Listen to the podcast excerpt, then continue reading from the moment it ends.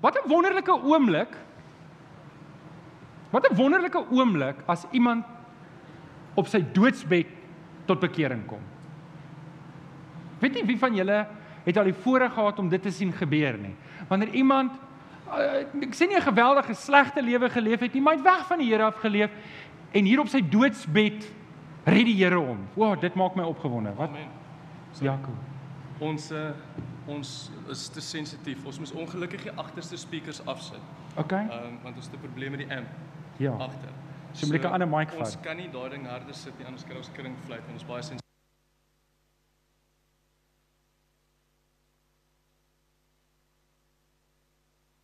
Hallo, daar's hy. Dis 'n nuwe ding. Ek weet jy gebruik jou hande, maar Wel, vandag gaan ek stil staan. Dankie. Ek gaan my voete ook gebruik. Brand, as as hulle brand ryk, Ja. dit is brand. Okay. Okay. Dankie Kenny. Waardeer jou. Geef hom ook 'n lekker hande klap toe. Dankie Kenny. Okay, so dis wonderlik as iemand op sy doodsbed doodsbed tot bekering kom. En mense is dankbaar vir die Here. Stem julle saam, mense is opgewonde. Jo, jo, dit was amper amper amper het hierdie ou die hemel gemis en en dan gaan 'n mens weg en jy weet ek het al 'n paar keer, ek het al 'n paar keer op begrafnisdienste gestaan. En dan dan dan het ek 'n sterk vermoede, 'n sterk vermoede hierdie ou is verlore. Um iemand het eendag gesê, lewe sodat die dominee op jou begrafnis hoef te lieg nie. En en en baie mense maak dit werklik moeilik vir jou, maar jy weet daar's 'n ernstiger ding agter dit dat te dink hier's 'n ou wat selfs op sy doodsbed het hy nie die Here aangegryp waarvan jy weet nie. En dit gee ou angstigheid. Ehm um, so ons is altyd dankbaar. Stem julle saam? Ons is dankbaar as iemand op die laaste oomblik die Here aangryp en gered word. Maar maar wat as wat as so 'n persoon 'n rower was? Hy was in die koerante. Ons weet die polisie het maande na hom gesoek en en en en of nog erger, dalk 'n moordenaar, dalk iemand wat ander mense se lewens en ek wil dit erger maak, iemand wat dalk vrouens en kinders doodgemaak het. En en daai ou lê op sy sterfbed. Dan is daar 'n deel van my vlees wat ek bely voor die Here hoop ek gaan dat hy verlore gaan. Ek hoop dat hy hy verdien dit nie om hemel toe te gaan nie. Kom wie, wie van julle voel partykeer so? Want jy kry ouens wat regtig hard geleef het en hulle is hulle is jy wil amper sê hulle is hulle skoppejakke man.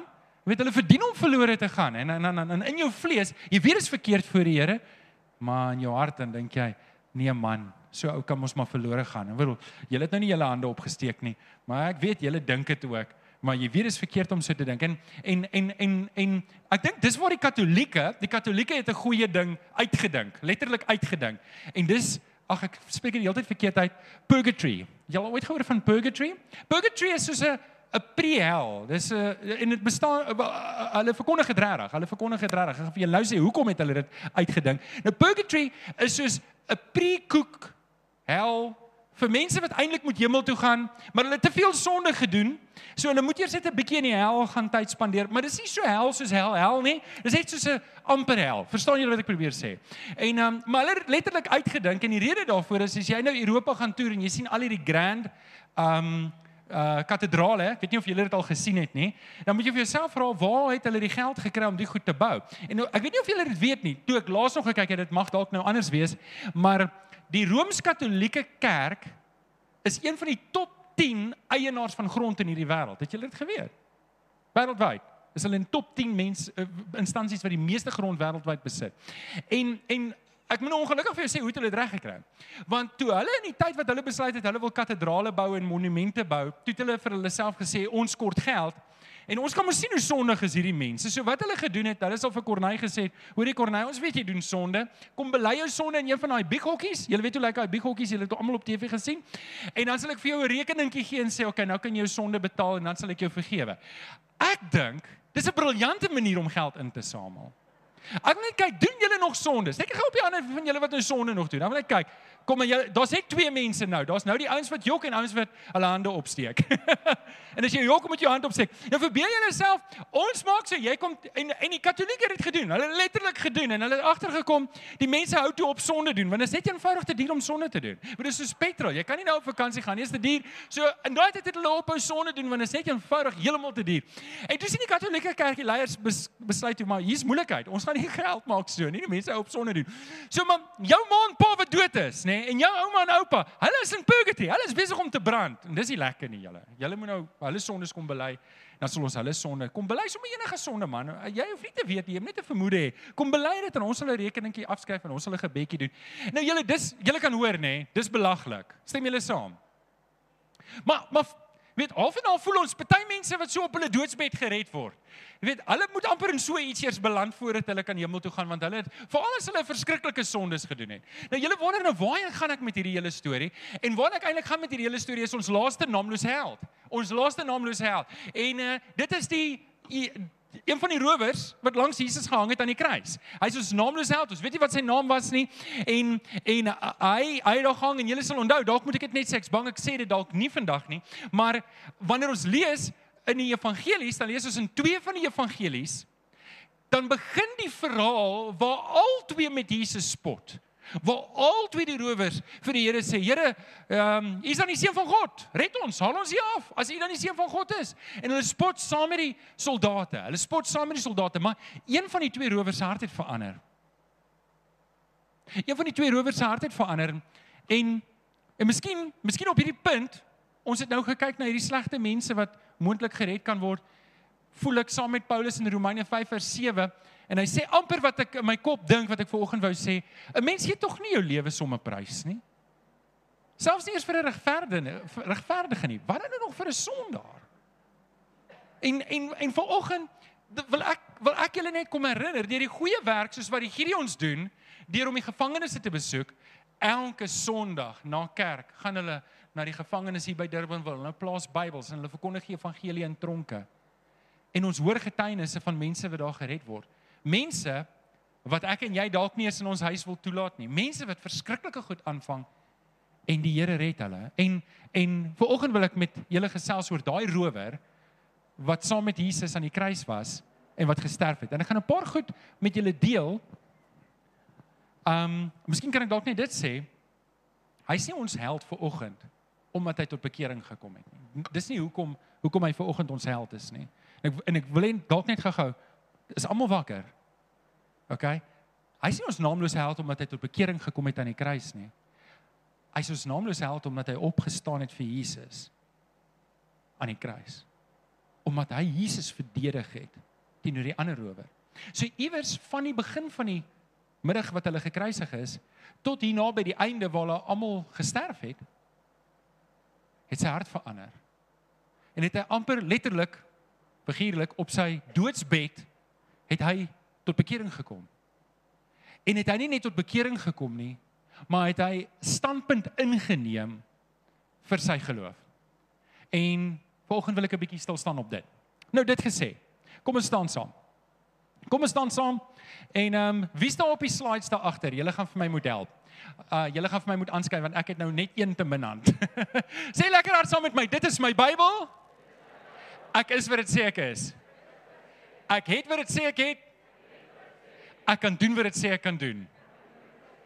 Met my mond bely ek met my hart glo ek dat Jesus die Here is. Amen. Amen. Baie dankie. Jy kan jou sitplek inneem en ons skriflesing kom vir oggend baie dankie. Kom vir oggend uit Lukas 23 en ons gaan 'n paar verse lees vanaf vers 39. Lukas 23 vanaf vers 39 tot 43.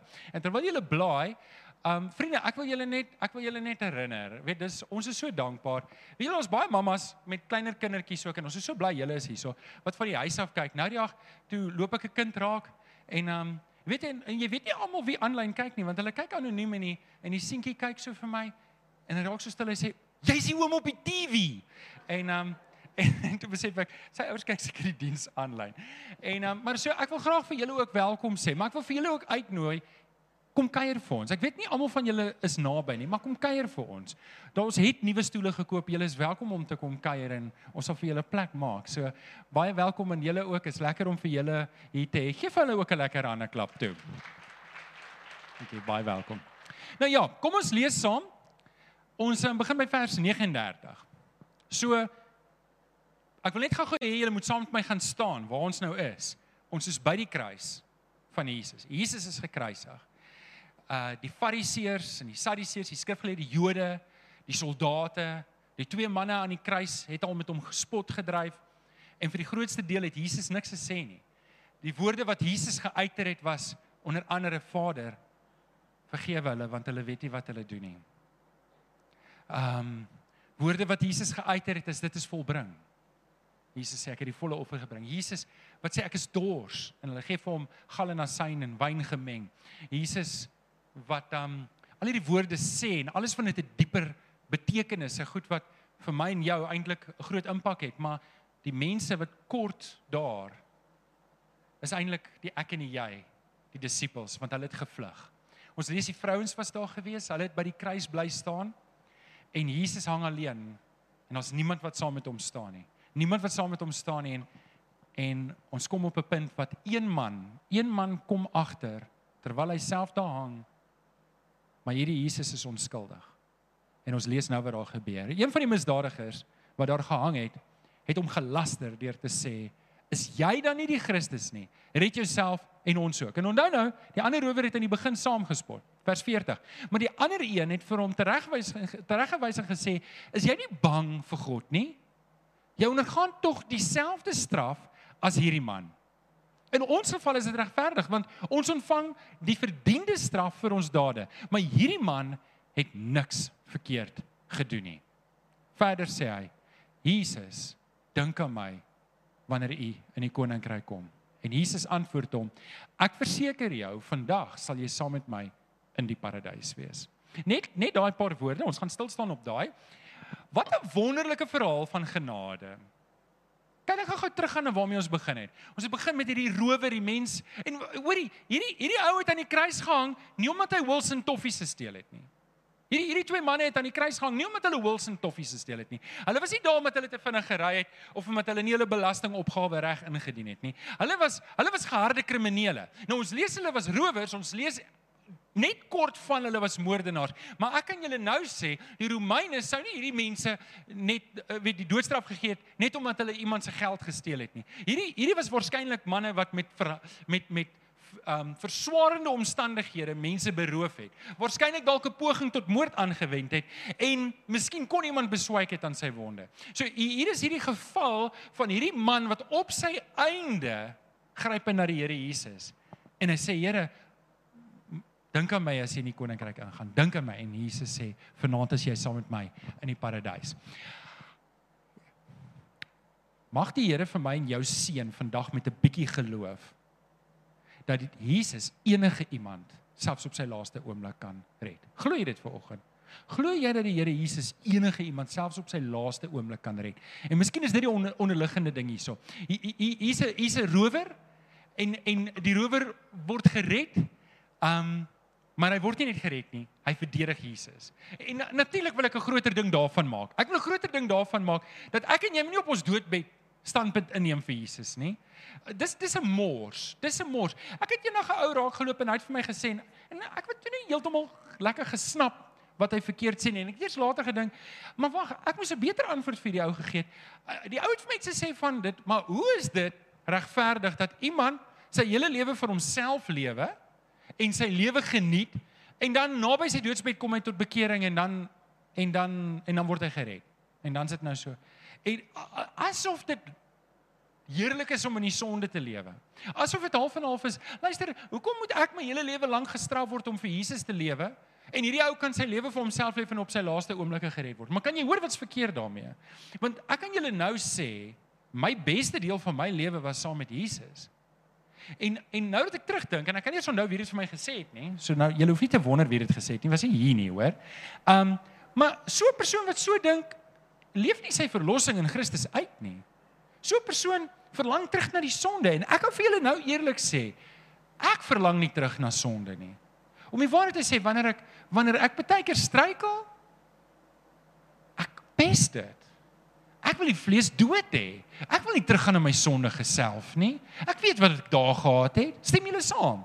Ek wil vir die Here leef. Ek wil meer wees soos Jesus. Ek wil alles wat in my is wat nie lyk soos Jesus nie. En ek sê dit nie omdat ek julle predikant is en ek wil julle beïndruk nie. Dis ek beloof julle dis so. Ek wil alles in my lewe wat nie lyk soos Jesus nie moet doodgaan. En daarom wil ek jou aanmoedig om na jou eie lewe vanoggend te kyk en te sê wat in my lewe lyk nie soos Jesus nie en dit moet waai. Dit moet doodgaan. En dis hoe ons standpunt inneem vir die Here Jesus. Dis deel daarvan. Nou oké. Okay. Vanoggend is 'n moeilike boodskap, want ek het eintlik nou klaar vir julle hele storie vertel. Het julle nou agtergekom? So wat ek nou gaan doen met vanoggend se boodskap, ek gaan net vier goed uithaal soos jy op jou raamwerk sien. Vier goed wat dit het nie 'n vloei nie, dit het nie stappe nie, dit is amper losstaande gedagtes rondom hierdie verhaal wat ons elke keer iets uit gaan leer. Is jy reg daarvoor? OK. Warm julle penne op. Hier's vier belangrike lesse. Nommer 1. Vervloek is elkeen wat aan 'n kruis hang. Hierdie moet vir jou skok soos want toe ek het voorberei, het was ek elke keer onder die versoeking om te sê moet ek dit nie sagter stel nie. Moet ek dit nie sagter stel nie. En toe het ek besluit ek gaan dit vir julle so hard gee soos wat ek dit moontlik kan gee sodat julle die realiteit kan besef. In Galasiërs 3 vers 13 lees ons Christus het ons losgekoop van die vloek wat die wet meebring. Deur om in ons plek 'n vervloekte te word. Sê gou-gou vervloekte. Besef julle wat sê daai vers? Jesus het 'n Julle sê dit nie. Jesus het 'n Jesus het 'n vervloekte geword. OK, hou vas in daai ding. Hy deur om in ons plek 'n vervloekte te word. Daar staan naamlik geskrywe, hy haal uit in Deuteronomium aan, Deuteronomium 23 dink ek vers 13 rond. Vervloek is elkeen wat aan 'n hout ophang. Hier's wat Paulus sê. Paulus sê Jesus het in my en in jou plek 'n vervloekte geword aan die kruis. Sê gou vir die lang ou langs aan, dit was in jou plek. Dis in jou plek. Nou oké. Okay. So volgens daai vers was daar daardie dag hoeveel vervloektes aan die kruis? 3. Stem julle saam? Daar was 3 vervloektes wat daar gehang het. Maar daar was net twee kriminele. Jesus was skuldig bevind, maar was onregverdig. Jesus was nie skuldig nie, maar Jesus se skuldigbevinding was was in my en jou plek. Hy moes skuldig bevind word, anders sou hy nooit gekruisig geword het nie. En hy was nie net skuldig bevind deur die Jode nie, hy was ook skuldig bevind deur die Romeine. Wat eintlik ah wel Pilatus het gesê, "Wel ek was my hande in onskuld," maar hy moes nog steeds goedkeuring gee. Hy moes hom nog steeds oorhandig Hy moes nog steeds 'n skuldigbevinding gee. So daar was net twee kriminele. Jesus was onskuldig en hy was hy was sonder sonde. Daar was drie vervloektes. En hier's die ding wat ek en jy dalk nie wil sê nie, maar Jesus was 'n vervloekte. Nou, om 'n kriminele rekord te kry beteken jy moet in die hof skuldig bevind word aan iets, nê? Nee? En dan gee hulle jou 'n kriminele rekord. Nou, ek weet nie waar daai rekord is nie en ek verstaan as jy genoeg geld het om iemand te betaal kan die rekord verdwyn. OK? Maar As jy redelik op 'n kruis ingaan opgaan dan help dit ook nou nie jou kriminele rekord word weggeneem nie want jy's kapot daarna, jy's dood daarna. Nou, so hier is belangrik om te verstaan dat ons hof kan jou skuldig bevind of onbeskuldig, onskuldig bevind. Maar in hierdie geval om 'n vervloekte te wees is nie iets wat die regering toedien nie. Dis nie iets wat die Jode toedien nie. Dis iets wat God die Vader toedien. God die Vader sê, jy's vervloek as jy op 'n kruis hang. So wat ek wil hê moet hier verstaan is 'n vervloeking is wanneer God sy rug op jou draai. Wanneer God sy rug op jou draai, wanneer God sy hand van beskerming van jou afhaal en sê jy's vervloek. Onthou julle die hele storie met Biliam se donkie? Biliam wat die volk moes vloek en hy kon nie want hy het gesê ek kan nie dit sê wat God nie sê nie. God moet hulle vervloek. God moet hulle vervloek. En hier kom dit in wese dat God sy eie seun vervloek in my en in jou plek. En dis wat ek en jy vanoggend net eers 'n bietjie moet aandink. Wat beteken dit dat God die Vader die straf vir my en vir jou sonde, die vervloeking wat daar op my en op jou lewe was, op sy seun gesit het. Dis wat hier afspeel voor ons oë. In 1 Petrus 3 vers 18 bevestig dit. Ook Christus het eenmaal vir die sondes gelei, die onskuldige vir die skuldiges om julle na God te bring. Stamp die ou langs aan en sê om jou na God te bring. om jou na God te bring. Dis dit was dit was hoekom Jesus aan die kruis gesterf het. Dit was die hele storie. Nou, onthou nou, ons praat nou oor Jesus en ek wil eintlik by die rowers kom want ons sit nog steeds die probleem met twee rowers. So kom ons gaan na die volgende les toe wat ons vanoggend leer en dit is elkeen het 'n keuse selfs tot aan die einde. So jou einde en my einde is dalk nie dieselfde tyd nie. Luister, lewe is gewaarborg vir niemand nie. Die feit, die feit dat ek jonk is, waarborg Wel ek's nou nie meer so jonk nie, maar ek is darm nog jongerig. 'n Paar van die jong mense hier sê, "Waarvan praat jy?" Maar die feit dat ek jonk is, waarborg nie dat ek gaan oud word nie. En daarom is dit belangrik om elke dag vir die Here te lewe. So elkeen van ons het 'n keuse om vir die Here te lewe tot aan die einde. Nou, vriende, ek het nou baie moeite gedoen om dit te klink asof ek baie veroordelend is teenoor slegte mense. Het julle gehoor in die begin het gesê, kyk daar's nou mense wat regtig sleg is. Hulle is kriminele, hulle roof, hulle maak dood, hulle steel, hulle weet dit dis dis 'n verskriklike wêreld hierdie. En ek hou myself nou trots om te sê ek ah, dis nie reg as hulle op die einde. Hulle moet 'n hulle moet swaarder gestraf word. Hulle hulle kan nie net gered word nie. En en dis die probleem wat ons baie keer het is.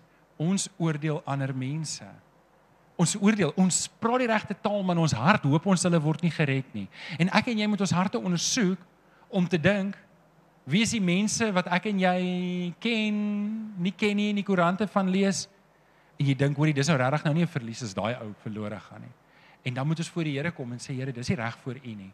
Want weet jy wat? Elkeen van ons wat hier sit, verdien die kruis. Elkeen van ons wat hier sit, verdien om te sterf vir ons sonde. Sê gou-gou saam met my, ek verdien die kruisdood. Sê gou-gou weer saam met my. 1 2 3. Ek okay, herhaal wat ek sê. Sê sê saam met. Okay, ek verdien 'n kruis. Okay, so julle het dit. Elkeen van ons wat hier sit, is ewe sondig in die oë van die Here. Moenie dink dat daai ou wat nie rower is, daai ou wat jy in die koerant lees of daai ou wat die verskriklike goed aanvang, sê ek is beter as hy nie. Ons is nie. Al wat met daai ou gebeur het, hy het meer kere ja gesê vir sy vlees as wat ek en jy ja gesê het. Dis al verskil. Luister, enige van ek en jy wat hier sit, kan net soveel sonde doen en net so afgaan. Al wat jy moet doen is om net aan te hou ja sê vir jou vlees. As ek en jy van hier af elke dag ja sê vir my vlees, dan is dit die uiteinde.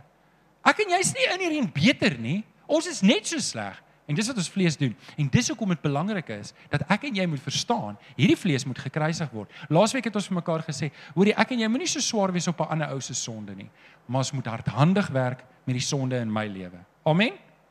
Nou oké. Okay, dit gesê, In Korintiërs 10 vers 13 sê: "Geen versoeking wat meer is as 'n mens kan verstaan, het julle oorval nie. God is getrou, hy sal nie toelaat dat julle bo julle kragte versoek word nie. As die versoeking kom, sal hy ook die uitkoms gee sodat julle dit kan weerstaan." Nou vriende, ek glo, ek glo met my hele hart, hier is nie net vir gelowiges nie. Ek dink dit is ook vir ongelowiges. Geen ongelowige gaan voor die Here kan staan en sê, "The devil made me do it" nie. Niemand gaan dit kan doen nie. Niemand gaan voor die Here kan staan en sê, Here, ek kon myself nie help nie. Die duiwel het in besit van my geneem en ek het 'n klomp mense doodgemaak. Die Here sal dit nie toelaat nie. Niemand sal voor die Here kan staan en sê, ek kon myself nie help nie. Die sonde wat ek gedoen het, was nie my skuld nie. Niemand sal dit kan doen nie. Elke ou gaan moet verantwoording doen voor God vir elke aksie wat hy geneem het. Maar ons is baie lief om te sê, hoorie, daai ou gaan self moet verantwoording doen vir die Here. Maar eintlik moet ek vir myself sê, ek moet verantwoording doen. Ek moet verantwoordelikheid aanvaar vir my lewe. Ek moet verantwoordelikheid aanvaar vir my denke. Ek moet verantwoordelikheid aanvaar vir my besluite wat ek moet neem. Ek moet verantwoordelikheid neem vir my aksies en ek moet verantwoordelikheid neem vir my gewoontes wat ek het. Ek is verantwoordelikheid daarvoor, verantwoordelik daarvoor. Sê gou-gou, ek is verantwoordelik. Okay, en dis die ding wat ons hier moet besef. Ek is verantwoordelik en ek het 'n keuse en ek het vandag 'n keuse. En vriende, ek wil nooit op 'n plek kom en ek sê dit elke Sondag. Ek wil nooit op 'n plek kom wat ek aanvaar almal wat hier sit is gered nie. Ek weet hier sit ver oggend mense wat Jesus nog nie aangeneem het nie. Ek weet hier sit ver oggend mense wat nog nie 'n finale besluit geneem het om hulle lewe oor te gee en Jesus Christus aan te neem nie. En ek wil ver oggend 'n dringendheid hê by jou dat jy moet weet, jy het vandag nog 'n keuse. Jy het nog 'n vandag 'n keuse om Jesus te kies. Ons het 'n keuse tot ons ons laaste asem uitblaas. En dit bring ons by die volgende ene. Ek wil net eers kyk net hierso. So daar was twee manne wat langs Jesus gehang het aan die kruis, né? Nee? Beide van hulle het 'n keuse gehad. Een het gekies vir Jesus En die ander een kan ons nie lees dat daai keuse gehad nie. Net so het ek en jy ook 'n keuse. OK, is jy reg vir nommer 3? Nommer 3. Tannie Christel klaar met my. Sy sê ek praat te veel en daar's te min spasie op die raamwerk. As dit jou probleem is, bring vir jou notaboekie saam, OK? Dis nog nie te laat nie. Dis nog nie te laat nie. Ehm um, as jy hier sit en jy het nog nie 'n oorgawe gemaak nie, is nog nie te laat nie. Maak nie saak hoe diep jy in jou sonde is nie. En, en dis wat ons uit hierdie verhaal uithaal. Maar ek wil ook hê dat as jy 'n ma het of 'n pa het of 'n broer het of 'n sussie het of 'n vriend of 'n vriendin of 'n werkskollega het wat nog nie 'n oorgawe gemaak het nie, solank hulle lewe wil ek hê jy moet saam met my ook dink aan hulle om te sê dis nog nie te laat vir hulle nie, né? Nee, stem julle saam? Solank hulle lewe. En Jesaja 55 vers 6 is dit eintlik maar wat God vir die volk sê. Vra na die wil van die Here terwyl hy nog te vind is. Roep hom aan terwyl hy naby is. Want weet julle wat die realiteit is? Daar kom 'n dag waar dit te laat gaan wees. En hoe wonderlik is dit om te dink dit was nog nie te laat vir daai rower aan die kruis nie. Die sy hele lewe lank, sy hele lewe lank het hy hard gelewe. Sy hele lewe lank het hy belê in sonde. Sy hele lewe lank het hy eintlik weggegee en hy het hard gelewe. En hier op die heel einde waar hy besig is om te sterf, ontmoet hy Jesus. Dink julle nie dis wel van God se genade nie? Dis wel. En weet julle, nie net gryp hy Jesus aan nie, maar hy staan op vir sy geloof en hy vat iemand anders aan en hy sê hoorie dit wat ek en jy doen is nie reg nie. Ek en jy verdien dit. En dit dis hoekom ek ek wil net weer terug gaan na daai ding toe. Ek en jy moet maar nie te vinnig wees om ander mense te oordeel nie. Luister, jy bring niemand by Jesus uit deur om hom te oordeel nie. Ons dis nie hoe jy mense by Jesus uitbring nie.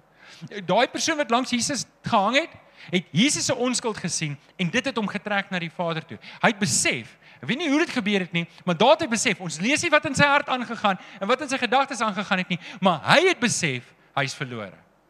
En Jesus was reg om hom te vergewe. Um Jesus het nie daar gehang en hom gesê, "Oké, dis maar net net, nê."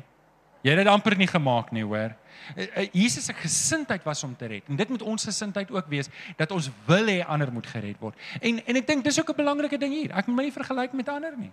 Want wat dis presies wat die fariseer gedoen het toe hy in die tempel ingaan en sê, "Here, sjoe, dankie dat ek darm nou nie so sleg is soos hierdie sondaar hier buite, hierdie tollenaar hier buite nie."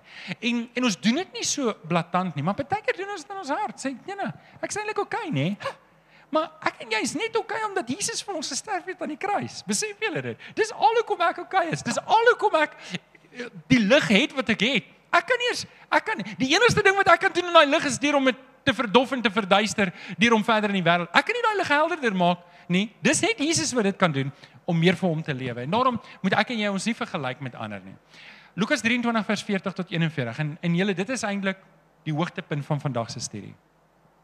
Wat die rower vir die ander rower sê is jy nie bang vir God nie. Jy jy ondergaan tog dieselfde straf as hierdie man. In ons geval is dit regverdig, want ons ver, ver, ons ontvang die verdiende straf vir die dade, maar hierdie man het niks verkeerd gedoen nie. Nou hoor gou hierso, hier's 'n sondebelydenis. Hier hier's 'n bewuswording van ek is 'n verlore sondaar. Nou, ons lees nie van sy bekering nie en en kan ek almal se oë sien. Almal se bekering lyk nie dieselfde nie. Dis nie wonderlik nie.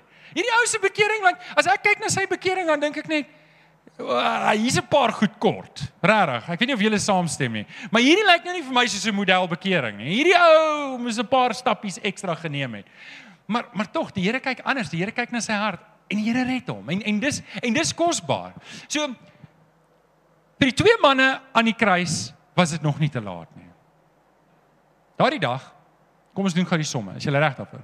Daardie dag was daar drie manne op die kruis. Daar was hoeveel vervloektes? Daar was drie vervloektes. Hoeveel het bekeer? OK, en hoeveel vervloektes was daar toe?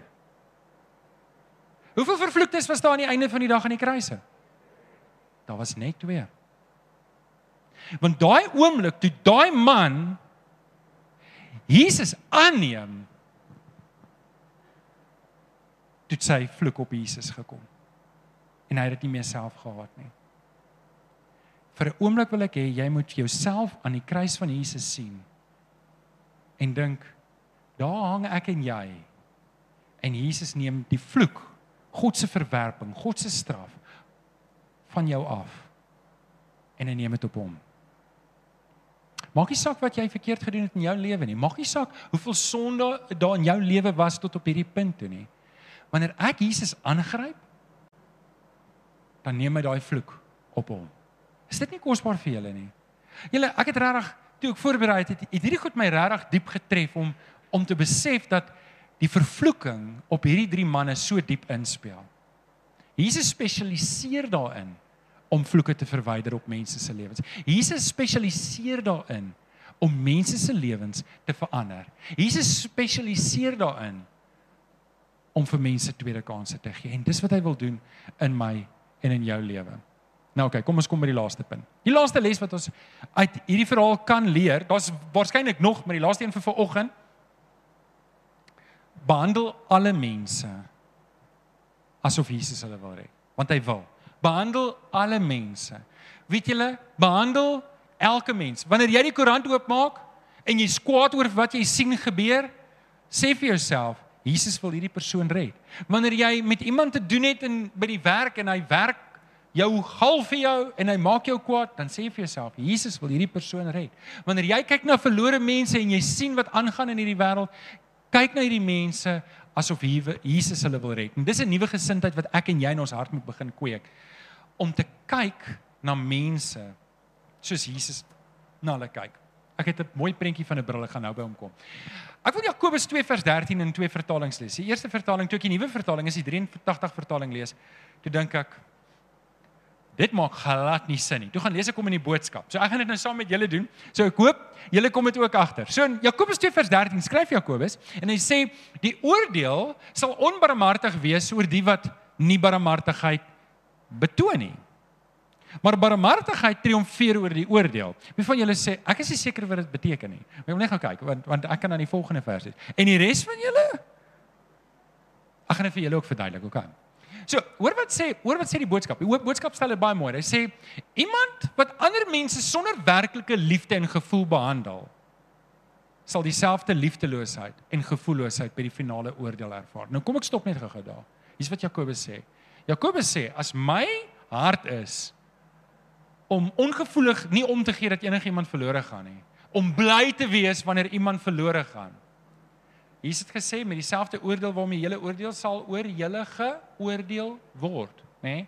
Dis wat hierdie vers eintlik sê om te sê as my hart nie ingestel is op Jesus se hart, Jesus wil mense red, ek moet wil hê dat mense gered word nie dan val ek onder hierdie vers dan dan beleef ek die liefdeloosheid en ek gaan die liefdeloosheid beleef op die oordeelsdag hy gaan verder dan moet jy kyk wat is die punt as iemand egter liefdevol en sensitief teenoor ander mense optree beteken dit dat daar by die oordeeldag niks teen so 'n persoon gesê sal word nie eintlik wat hierdie vers maar net sê is ek en jy moet regtig 'n sensitiwiteit en 'n sagtheid hê vir verlore siele ek en jy moet jammer voel ons hart moet breek vir mense wat verlore is. Maak nie saak wat hulle name is nie, maak nie saak wat hulle verkeerd gedoen het nie, maak nie saak hoeveel sonde daar in hulle lewe is nie. My en jou hart moet breek vir mense wat verlore gaan. Johannes 3 vers 17. God het nie sy seun uit die wêreld toe gestuur om dit te oordeel nie. Ek en jy moenie so vinnig wees om te oordeel nie. Ek en jy moet doelbewus na mense kyk deur die bloed van Jesus. Amen. Ek en jy moet doelbewus dit doen. As ek en jy dit nie doen nie, As ek en jy nie, dan gaan ons nie Jesus uitleef nie. En en en dit is baie keer so. Ons verwag van ongelowiges om te leef soos gelowiges. Doen julle dit ook baie keer? Weet, jy verwag van iemand nee man, ek verwag meer van jou. M maar maar hy het nog nie by die kruis uitgekom nie. Hy het nog nie by Jesus uitgekom nie. En en dis wat met hierdie rower gebeur het. Maar toe hy by die kruis uitkom, toe verander sy hele lewe. Nou oké. Okay. Wat wil ek hê moet ons vandag doen? Wat is die uiteinde van hierdie boodskap? Ek wil hê daar moet 'n dringendheid in my en jou hart wees. Natuurlik. As jy ver oggend hier sit en jy het nog nie 'n oorgawe gemaak nie en dalk is jou sonde nie so groot soos die rower se sonde nie. Maar dit maak nie saak hoe groot jou sonde is nie. Wat die probleem is, wat sê ek altyd vir julle? Blaf 'n hond omdat hy 'n hond is of is hy 'n hond omdat hy blaf? Wie van julle is nou die mekaar? OK? So die ding is, sal 'n hond nie meer 'n hond wees as hy op 'n blaf? As 'n hond nie meer kan blaf nie, is hy nog steeds 'n hond. Net so. Ek en jy is nog steeds 'n sondaar al doen ek minder sonde. Want dit gaan oor die wese en die aard. Voordat ek Jesus leer ken het, is dit my aard. Die feit dat iemand baie meer en baie groter sonde doen as ek, is nie omdat ek beter is as hy nie, dis net omdat hy meer kere ja gesê het vir die verkeerde. Nou terug by ons vandag. Die feit dat ek en jy gered is, is net God se genade. Die feit dat ek en jy Jesus ontmoet het, is God se genade en daarom moet ek en jy doelbewus die genade uitstraal na ander mense. Daar moet 'n dringendheid by ons wees om mense. Nou hier's my vers waarmee ek afsluit. Kenneth, dankie, jy kan vorentoe kom. Petrus preek. Hy preek op Pinksterdag. En hy en hy en hy sê 'n paar radikale goed. Hy sê vir die Jode wat so voor hom is, hy sê hierdie Jesus van wie ek nou praat, het julle gekruisig. Julle het hom gekruisig. Julle het die Messias wat bedoel is om julle te red, het julle gaan kruisig. En dan lees ons Handelinge 2 vers 38. Toe sê hulle, "Maar wat moet ons doen, broers?" Toe sê hy, "Bekeer julle en laat elkeen van julle gedoop word in die naam van Jesus en God sal vir julle die sondes vergewe en die Heilige Gees as gawe gee." En dan lees ons hierdie vers net twee verse verder. Hy sê, "Met nog baie ander woorde het Petrus getuig en hulle aangespoor, laat julle red tussen hierdie ontaarde mense uit. Laat julle red. Kom uit dit uit, bekeer." So. Is twee tipes mense vanoggend hierso. Op wie ek aanspraak wil maak in die naam van Jesus. Ek wil eerstens as jy ver oggend hier sit en jy's nie gered nie, wil ek aanspraak maak op jou siel in die naam van Jesus en ek wil saam met Petrus dringend by jou kom pleit om te sê laat jou red. Laat jou red. Jy het die storie gehoor van die kruis ver oggend. Laat jou red. Maar vir almal van ons wat hier sit en sê Johan, maar ek is werklik gered. Wil ek ook aanspraak maak op jou en op jou verhouding met die Here en ek wil vir jou wil by jou kom pleit kry 'n dringendheid in jou hart dat mense gered moet word. Kry 'n dringendheid in jou hart om nie veroordelend te staan teenoor hierdie wêreld wat so stikkend is nie, want die wêreld doen wat die wêreld doen. Ek en jy het nie die genade van die Here gesmaak en ons is gered op grond van dit. Nie omdat ek en jy iets wonderlik is nie, maar omdat die kruis van Jesus so wonderlik is. Wil jy nie vanoggend saam met my 'n dringendheid hê? Wil jy vanoggend saam met my 'n dringendheid hê dat mense gered moet word? Kan ons nie 'n kerk wees vir seer mense en stikkende mense, verlore mense? Kan ons nie 'n kerk wees hoor nou waar waar gaan ek met dit? Kan ons nie 'n kerk wees vir rowers nie? Kan ons nie 'n kerk wees vir rowers wat tot bekering kom en opstaan vir die Here Jesus nie? Dink julle dis 'n wonderlike plek om te wees nie? Kan ek en jy nie kan ek en jy nie 'n dringendheid kry om te sê elke siel Elke siel vir Jesus. Elkeen moet gered word. Julle ons kan nie die, ons kan nie net hier in ons gemaklike stoele sit en sê, "Ag ek is so bly ek is gered." Julle sal kwaad, julle sal kwaad vir my wees as ek sê. Julle sal kwaad wees vir my as ek sê, "Luister ouens, ons is gered, nê?" Maar kom ons worry nie oor die verlorenes nie. Hier's "Hey, hier's daar's 'n paar stoele oop, hier's 'n paar stoele oop." Ek wil nie nog mense hê nie. Ons moet nog stoele gaan koop. En uh, dit is moeilik. Dan moet ons twee dienste ek like nie van twee dienste nie. Julle mag nie nog mense nooi nie, hoor. Jy's wie van wie van julle sal my kwaadlik neem? Julle sal my sê maar Johan, gee nie om dat mense verlore gaan nie. My julle saam. Nou hier's die ding wat ek vanoggend vir jou wil sê is. Deur om stil te bly en nie betrokke te wees nie, sê ek dit sonder om dit te sê.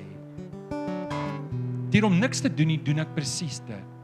En vanoggend wil ek saam met Petrus by julle kom pleit. Julle kom ons kry 'n dringendheid dat ons mense by Jesus uit kan kry. Amen. Kom ons bid saam. Vader, ek kom dankie vir oggend. Ek kom dankie vir oggend dat Ek kom dankie vir oggend Here dat daar drie vervloektes was aan die kruis en hoe dit my hart breek om te dink dat my dat my Jesus se vervloekte moes wees. Net soos ek dankbaar om te dink Here daardie dag, aan die einde van daardie dag toe, daar drie dooie mense was, die drie dooie manne aan daai kruise was, was daar net twee vervloektes. En Here, daai een wat gered is, laat my dink aan myself om te dink Here, dis wie ek was. Dis wie ek was. Here, dis wie elkeen van ons was. Ons was ook 'n vervloekte en Jesus het gesterf en en toe ons Jesus aangryp het, U die vloek van ons afgehaal. Ek kom vra Here dat U in elkeen van ons harte sal werk. U weet vanoggend wie sit hierso en sy hart roep uit en hy weet vanoggend hy's 'n vervloekte. Ek kom vra dat die Heilige Gees dat U daardie persoon sal aanraak. En vir hom nader sal trek aan U. Maar Here vir die res van ons wat hier sit en weet ons is gered. Gee vir ons 'n dringendheid om vir U te lewe. Ons bid dit in Jesus naam. En die kinders van die Here sê Amen. Amen. Kom ons staan. Kom ons staan en sing ons die volgende lied.